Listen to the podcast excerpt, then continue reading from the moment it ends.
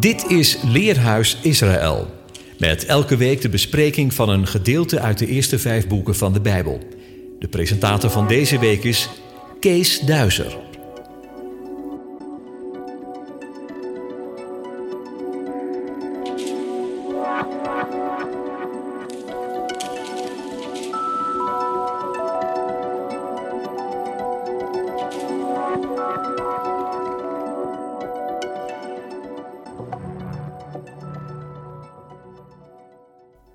Shalom luisteraars, welkom bij deze nieuwe uitzending van Leerhuis Israël.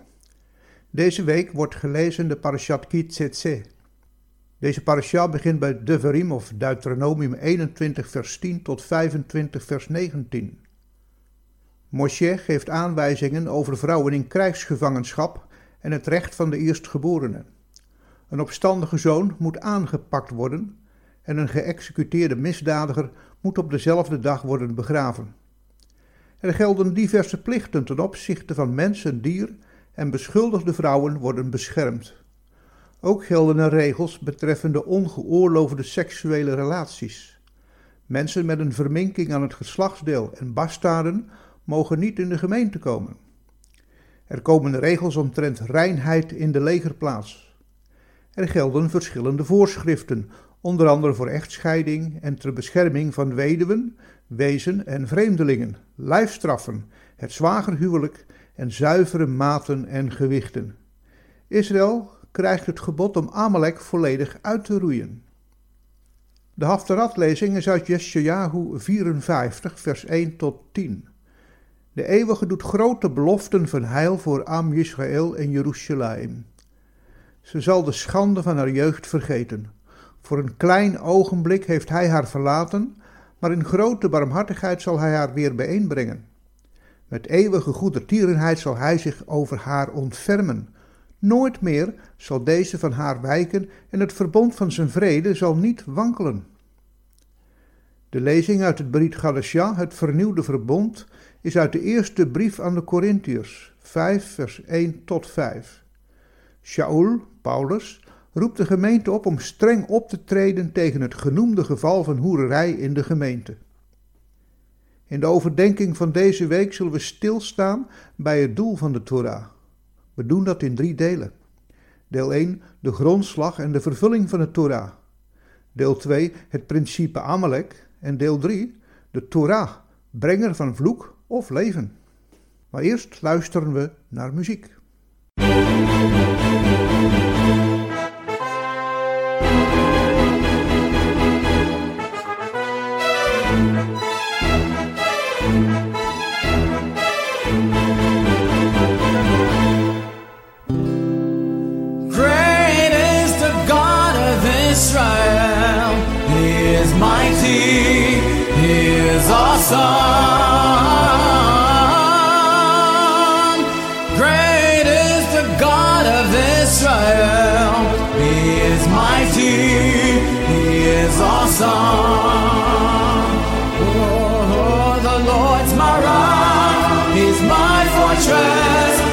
deliverer.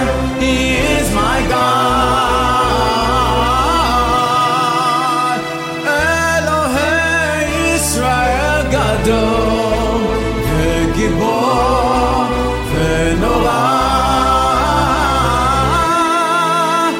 Elohe Israel Gadol,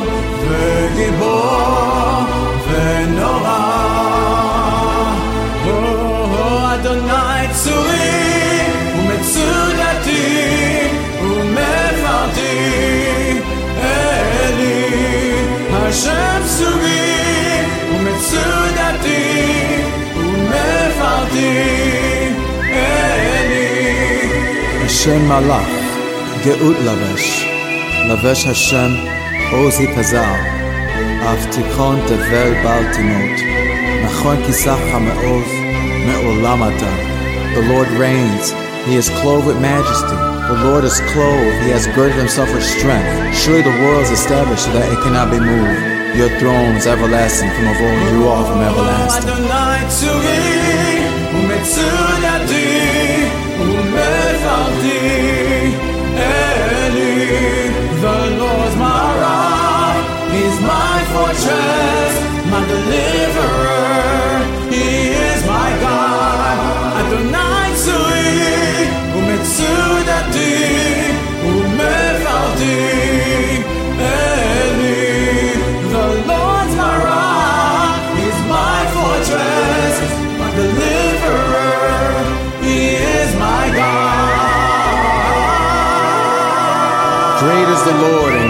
to be praised, and his greatness is unsearchable. One generation shall praise your works to another, and shall declare your mighty acts. I will meditate on the glorious splendor of your majesty, and on your wondrous works. Men shall speak of the might of your awesome acts, and I will declare your greatness.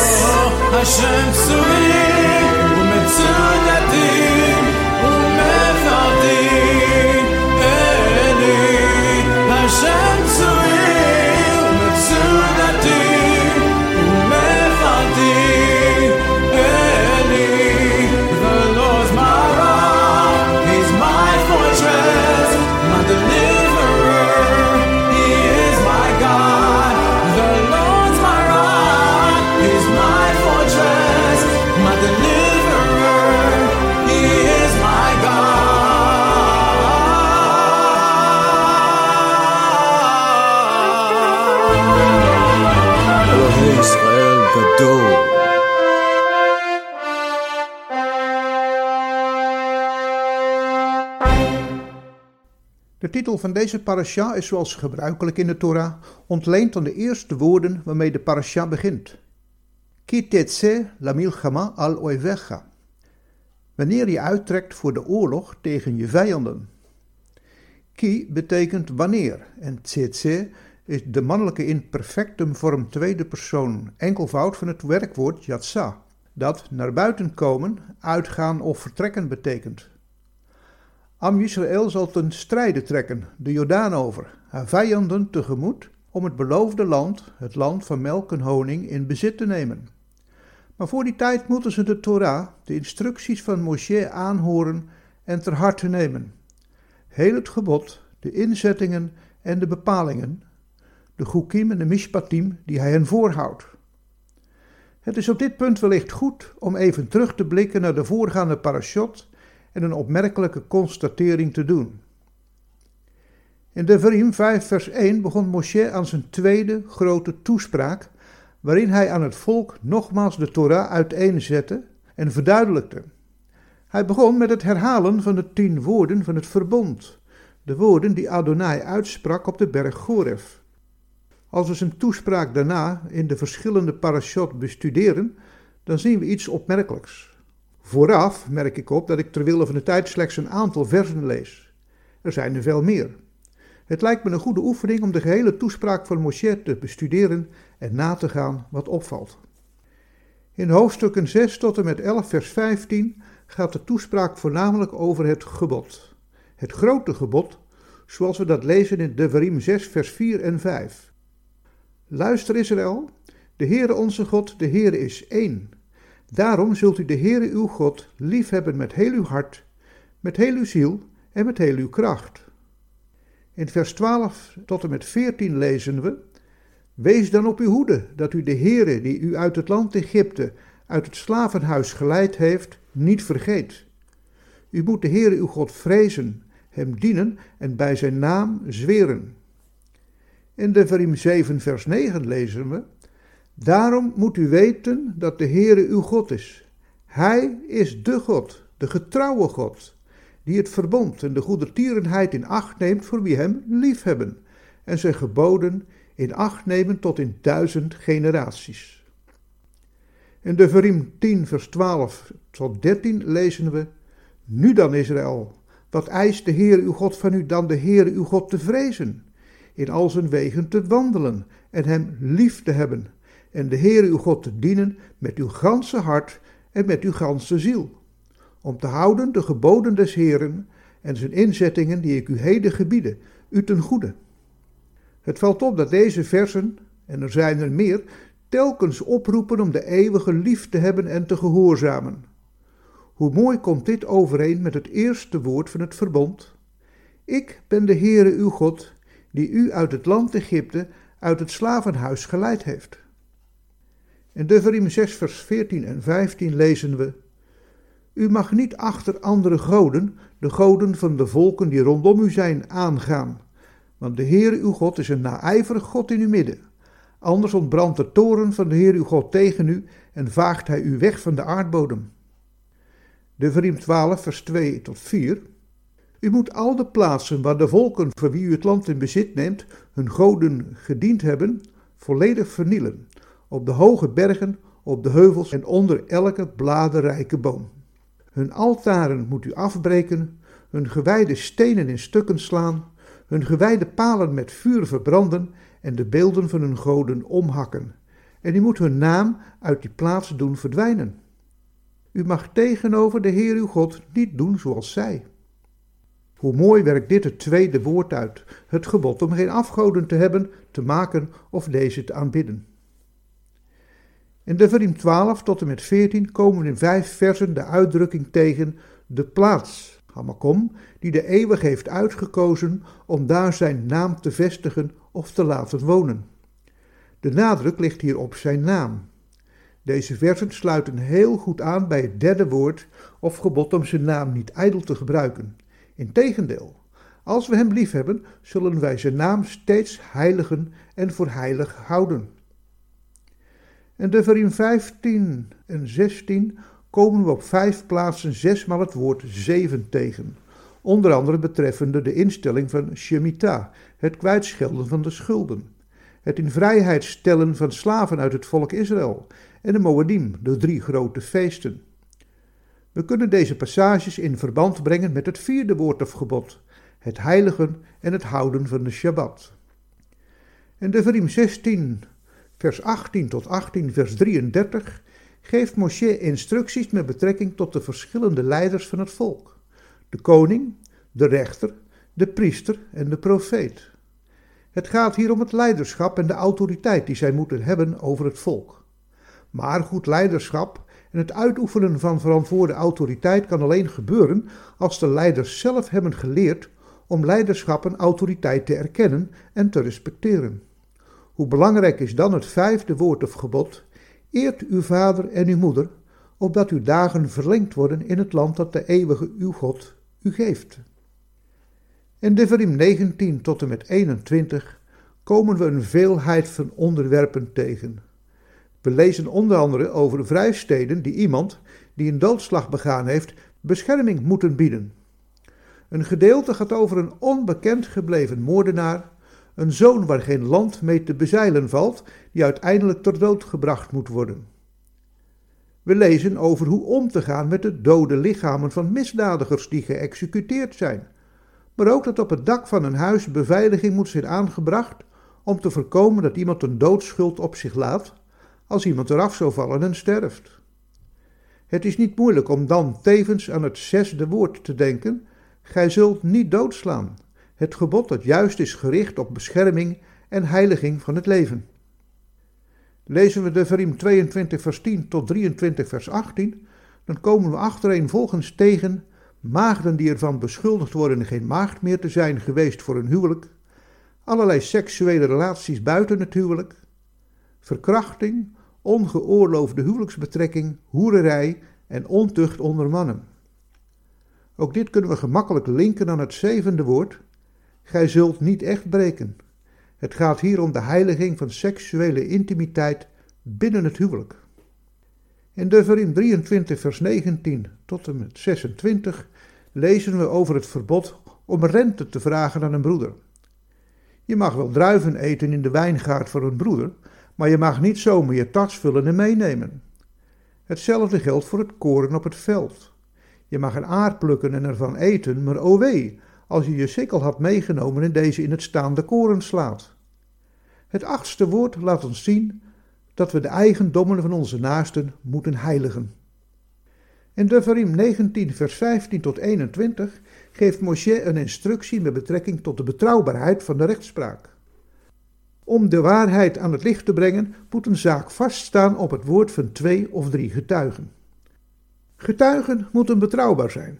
Er moet streng tegen valse getuigen worden opgetreden.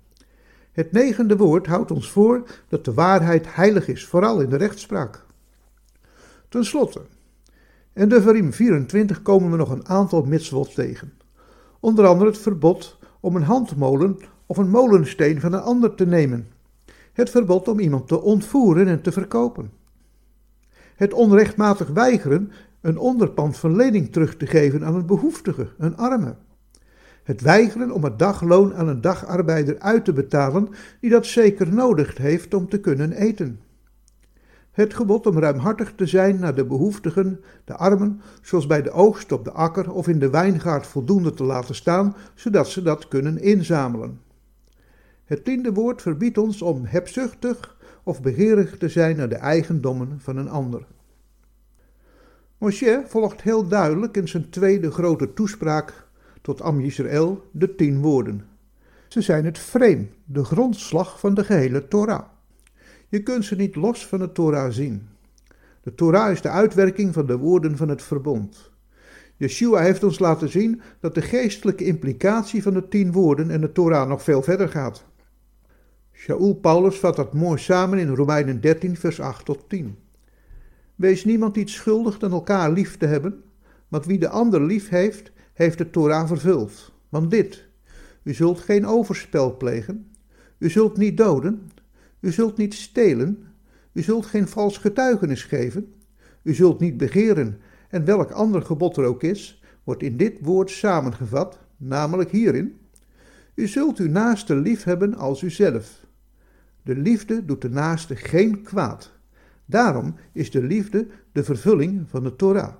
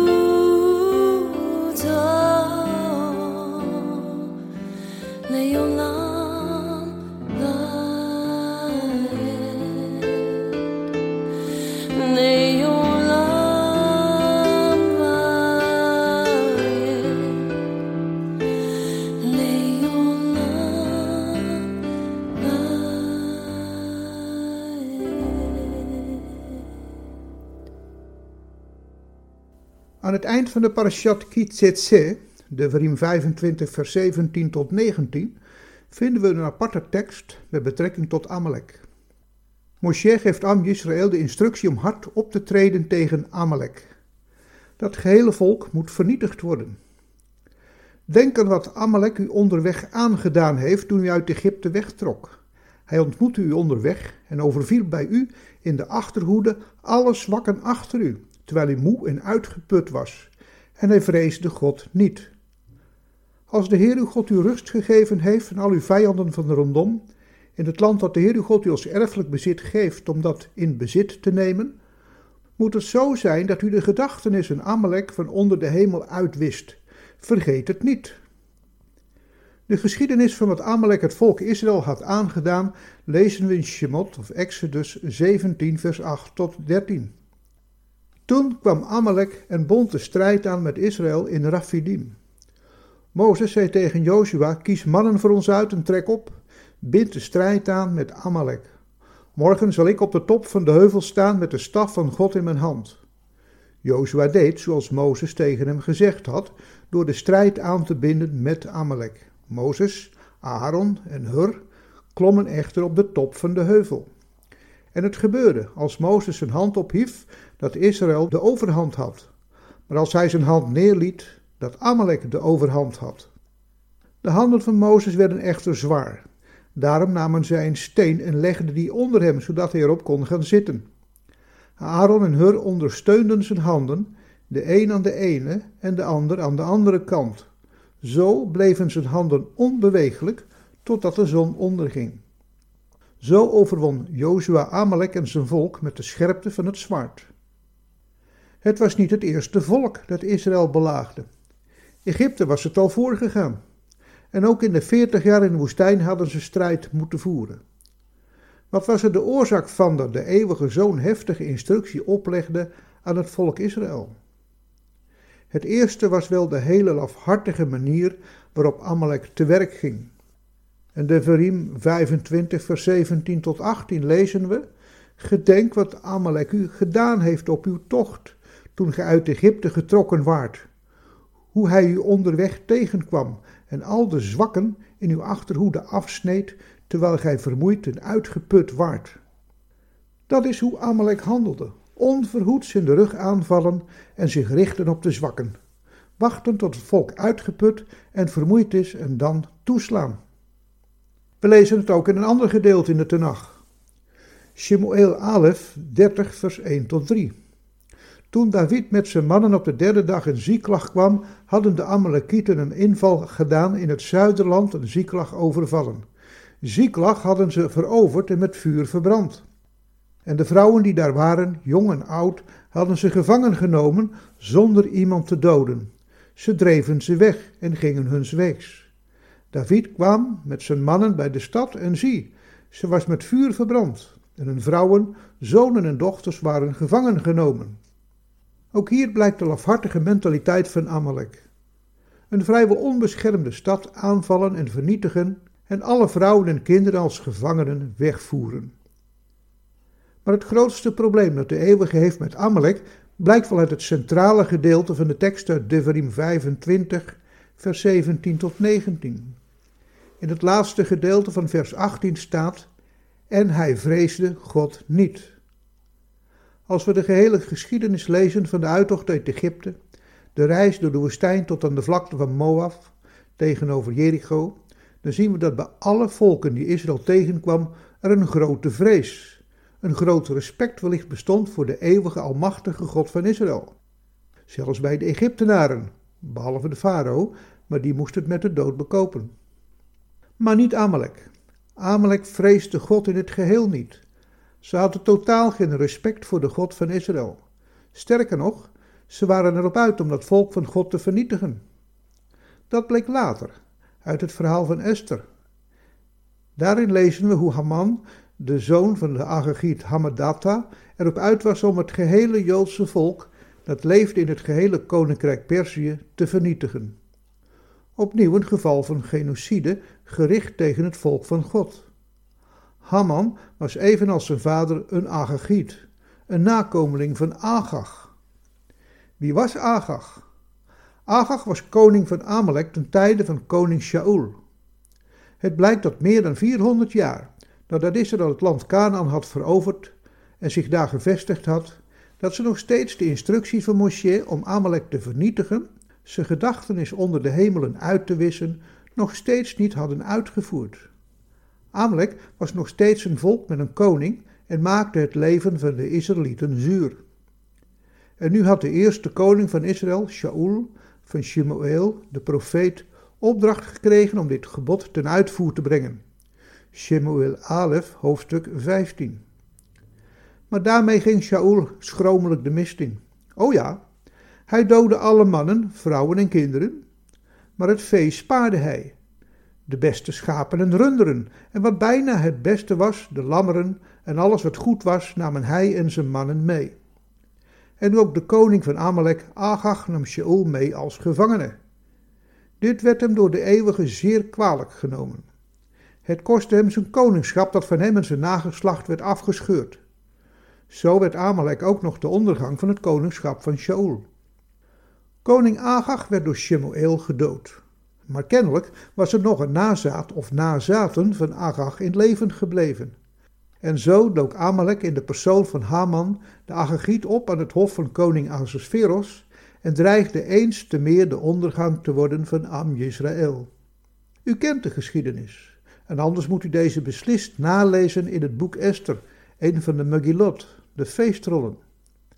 Am Yisrael werd gered van de ondergang door het moedige optreden van koningin Esther en haar oom Mordechai. En Haman, alsmede zijn tien zonen, werden gedood, opgehangen. Waarschijnlijk is daarmee een einde gekomen aan het voortbestaan van Amalek als volk. Maar Amalek is blijven voortbestaan als het begrip van de eeuwige vijand van Am Yisrael en van God, daardoor omdat ze steeds uit zijn op de ondergang van Am Yisrael. Tot op de huidige dag is het principe Amalek blijven bestaan.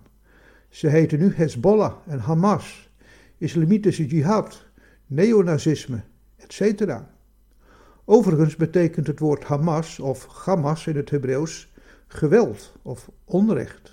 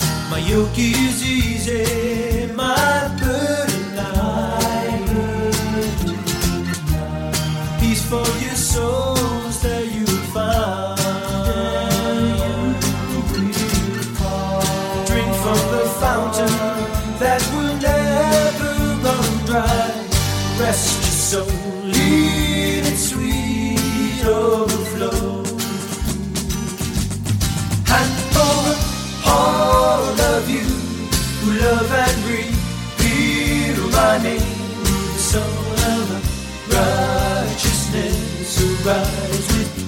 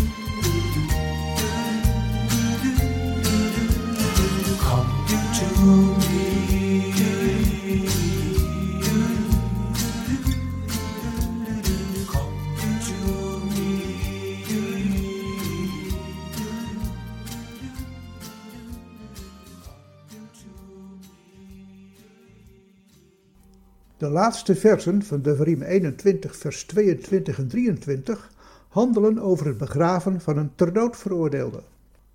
Verder, wanneer iemand een zonde begaan heeft waarop de doodstraf staat, en hij gedood wordt en u hem aan een paal hangt, dan mag zijn dode lichaam niet aan de paal overnachten, maar moet u hem beslist dezelfde dag nog begraven. Een gehangene is namelijk door God vervloekt. U mag uw land dat de Heer uw God u als erfelijk bezit geeft niet onrein maken. Het was kennelijk de gewoonte in het oude Israël om iedereen die geëxecuteerd werd aan een paal te hangen. Rashi schrijft hierover: De rabbijnen verklaarden dat iedereen die werd gestenigd daarna werd opgehangen. Nachmanides daarentegen verklaart dat dit alleen werd gedaan in geval van godslastering of van iemand die afgoderij praktiseerde. Alleen in de Hebreeuwse tekst staat niet dat de geëxecuteerde aan een paal werd gehangen. Er staat betalita oto al eitz en hang hem op aan een boom of hout. Er staat in het Hebreeuws eitz en eitz wordt vertaald met boom of hout. Zo verwijst het woord eitz in de geestelijke betekenis van de tekst naar de eitz hagaim, de boom des levens, die in de Gan Eden, de Hof van Eden, stond. De meeste vertalingen, zelfs de Narense Bijbel, vertalen hier met paal, behalve de Statenvertaling en de Nieuwe Bijbelvertaling, die hier ook met hout vertalen. Is dit zo belangrijk? Waarschijnlijk wel, want anders ontgaat ons hier de profetische betekenis van deze tekst. Deze vinden we in het middelste gedeelte van vers 23. Kikalat Elohim talui. Letterlijk vertaald, want een vervloeking van God is de gehangene. Shaul, de apostel Paulus, past deze tekst toe op de kruisiging van Yeshua. Hij schrijft in zijn brief aan de Galaten, hoofdstuk 3, vers 13: Christus heeft ons vrijgekocht van de vloek van de wet, door voor ons een vloek te worden, want er staat geschreven: Vervloekt is ieder die aan een hout hangt. Dus nog meer zien we de profetische betekenis van het woord aids.